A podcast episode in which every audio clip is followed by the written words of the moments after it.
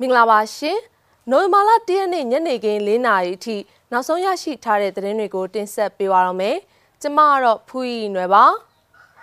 မန္တလေးတမြို့လုံးကိုစစ်ကောင်စီတပ်ဖွဲ့တွေအဆောင်အကျက်ထူရက်စွာချပြီးပိတ်ဆို့စစ်ဆေးနေပါတယ်မြောင်မြို့နယ်မှာစစ်တပ်ကပစ်ခတ်လို့ဒေသခံတအူသေဆုံးကရွာကန်တချို့ဖမ်းဆီးခံထားရပြီးရွာလုံးကျွတ်တိမ်းရှောင်နေကြရပါတယ်။ရေစကြိုမြို့နယ်တွေကထက်တန်းကျောင်းတစ်ခုမှာ ဒီနေ့ကျောင်းလာတက်တဲ့သူတယောက်မှမရှိခဲ့တဲ့တဲ့င်အပါအဝင်စစ်ကောင်စီရဲ့လူအခွင့်အရေးချိုးဖောက်မှုတွေကိုအမြန်ဆုံးအရေးယူဖို့အမေရိကန်နိုင်ငံသားရေးဌာနကပြောလိုက်တဲ့သတင်းတွေကိုဆက်လက်တင်ဆက်ပေးဖို့ရှိပါတယ်။မန္တလေးတမြို့လုံးကိုစစ်ကောင်စီတပ်ဖွဲ့ကဒီနေ့နိုဝင်ဘာလ၁ရက်နေ့မနက်အစောပိုင်းအချိန်ကစလို့အဆောင်အကျက်ထူရက်စွာချပြီးပိတ်ဆို့စစ်ဆေးနေတယ်လို့ဒေသခံသတင်းရင်းမြစ်တွေထံကနေသိရပါဗျ။ မြို့နယ်တချို့မှာဖုံးကြီးကျောင်းဝင်းထဲဝင်ရောက်တက်ဆွဲဖို့ပြင်ဆင်နေတာကိုတွေ့ရပြီးလက်နက်ကင်စစ်သားတွေနဲ့အတူအရက်ဝတ်အမျိုးသမီးတွေလည်းပါဝင်လာတာကိုတွေ့ရတယ်လို့ဒေသခံသတင်းရင်းမြစ်တွေကဆိုပါတယ်။ထန်းကိုပင်ဖုံးကြီးကျောင်းနဲ့စစ်ကားတွေတစည်းပြီးတစည်းဝင်နေတာတွေ့ခဲ့ရပါတယ်။စစ်သားတွေအများကြီးပါပဲ။မိမတွေလည်းပါလာတယ်။ကျောင်းထဲတက်ဆွဲဖို့ထင်တယ်လို့ဒေသခံတအူကပြောပါတယ်။ဒီနေ့မနက်ပိုင်း6နာရီလောက်ကစပြီးမန္တလေးခုနှစ်မြို့နယ်စလုံးကအဓိကလမ်းမကြီးတွေကို စစ်ကောင်စီလက်နက်ကင်တွေကတက်ဖြန့်ပိတ်ဆို့ထားပြီး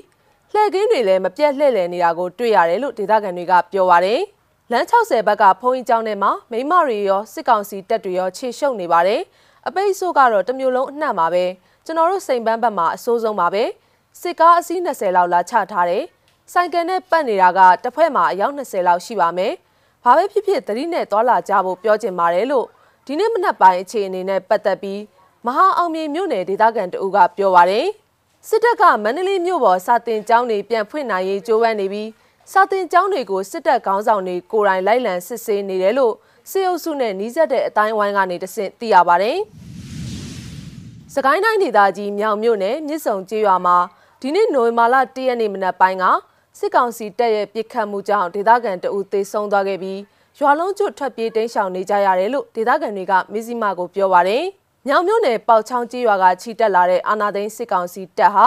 မြစ်ဆုံကြီးရွာမှာတညအိပ်ပြီးဒီနေ့နိုဝင်ဘာလ၁ရက်နေ့မနက်6နာရီလောက်မှာကြီးရွာကပြန်အထွက်ကြီးရွာအနီးတော်ရဲဟင်းရှာနေတဲ့ဒေသခံတအူကိုကင်းသမားလို့ဆွဆွဲပြီးပြစ်တက်သွားတာဖြစ်တယ်လို့ဒေသခံတွေကဆိုပါတယ်။ဒေသခံလူငယ်အချို့ကိုလည်းဖမ်းဆီးခေါ်ဆောင်သွားပြီးမြစ်ဆုံကျေးရွာအနီးရှိကျေးရွာ6ရွာဝန်းကျင်ကဒေသခံတွေဟာထွက်ပြေးတိမ်းရှောင်နေကြရတယ်လို့သိရပါတယ်။မနေ့ကမြစ်ဆုံကိုဝင်ပြီးဒီနေ့မနက်ပြန်ထွက်တဲ့အချိန် ကျွန်တော်တို့တွေဘက်ကတောတွေဘာတွေရှိတော့မနက်စောကြီးတောတဲ့အလုပ်သွားလုပ်နေတဲ့နှစ်ယောက်ကိုမိတာပဲလို့ပြောတယ်။တယောက်ကပြစ်တက်ခံရတာတယောက်ကိုတော့ဖမ်းခေါ်သွားတယ်လို့ထွက်ပြေးတိမ်းရှောင်နေရသူဒေသခံတအူးကပြောပါတယ်။မြောင်မြို့နယ်နောက်တောင်ဘက်အစွန်းဆုံးမှာတည်ရှိတဲ့မြစ်ဆုံကျေးရွာဟာမြောင်မြို့နယ်15မိုင်ဝန်းကျင်လောက်ကွာဝေးပါတယ်။ဒေသခံတွေဟာမနက်အစောပိုင်းမှာအနီးအနားရှိတောရဲကိုပုံမှန်အားဖြင့်ဟင်းရှာထွက်လေရှိကြပြီးအာနာသိန်းစစ်ကောင်စီတပ်ကပြစ်ခတ်လို့တေဆုံးသွားသူဟာ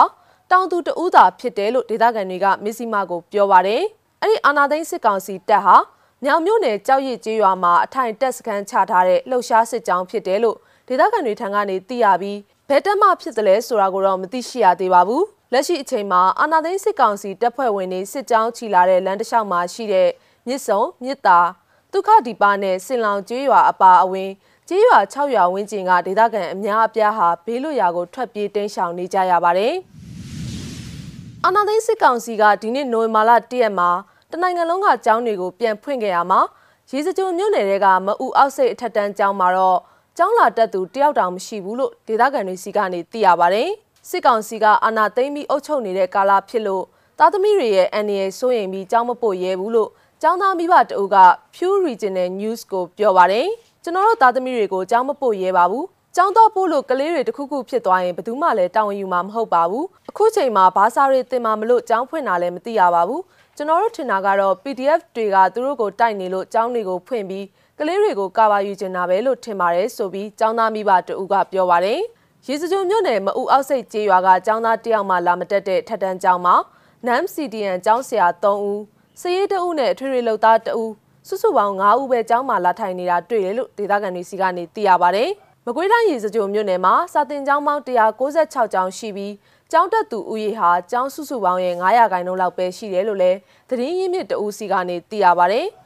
။နောက်ဆုံးသတင်းတစ်ပုဒ်အနေနဲ့မြမလုံခြုံရေးတပ်ဖွဲ့ရဲ့ကန်းကုံအောင်ရိုင်းဆိုင်နေတဲ့လူအခွင့်အရေးချိုးဖောက်မှုတွေကိုအမြန်ဆုံးအရေးယူဖို့လိုအပ်တယ်လို့အမေရိကန်နိုင်ငံသားရေးဝန်ကြီးဌာနပြောခွင့်ရပုဂ္ဂိုလ် Ned Price ကပြောကြားပါတယ်။ချင်းမီနယ်အတွင်းမြန်မာစစ်တပ်ရဲ့တိုက်ခိုက်မှုတွေနဲ့ပတ်သက်ပြီး Ned Price ကပြောကြားခဲ့တယ်လို့အမေရိကန်တန်ယုံကသတင်းထုတ်ပြန်ပါတယ်။ခရစ်ယာန်ဘုရားကျောင်းတွေနဲ့အိမ်မောင်းတရာကျော်မိရှို့ဖျက်ဆီးခြင်းအပါအဝင်ချင်းမီနယ်အတွင်းမြန်မာလုံခြုံရေးတပ်ဖွဲ့ဝင်တွေကျူးလွန်တဲ့ကန်းကုံအောင်ရိုင်းဆိုင်တဲ့လူအခွင့်အရေးချိုးဖောက်မှုသတင်းတွေကြောင့်အမေရိကန်ပြည်အောင်စုကအလွန်အမင်းစိုးရိမ်မိတယ်လို့ Net Price ကဆိုပါတယ်ပြည်သူလူထုပြည်သူလူထုရဲ့အိုးအိမ်တွေဝိပြုစုတောင်းရာနေရာတွေကိုရရဆက်ဆက်လှုပ်ပြတဲ့လုပ်ရက်နဲ့ မြမပြည်သူလူထုရဲ့အသက်တွေနဲ့လူမှုဘဝဖူလုံရေးကိုလုံးဝဂရုမစိုက်ကြောင်းထုတ်ဖော်ပြသလိုက်တဲ့စစ်အာဏာရှင်ရဲ့လုပ်ရက်ကိုကန့်ကွက်ရှုံချပါတယ်လို့ Net Price ရဲ့ထုတ်ပြန်ချက်မှာဖော်ပြထားပါတယ်ဆက်ဆုပ်ယွန်ရှာပွဲတိုက်ခိုက်မှုတွေက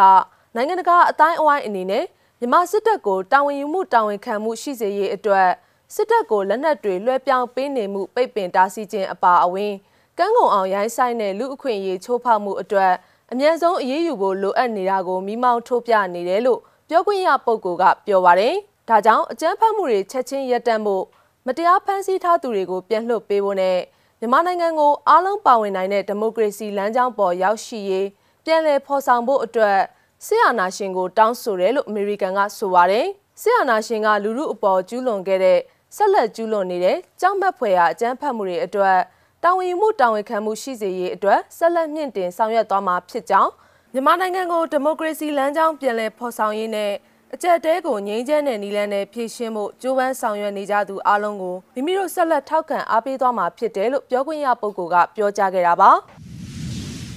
မဇ္ဈိမ TV ရဲ့နောက်ဆုံးရသတင်းတွေကိုတင်ဆက်ပေးကြတာပါ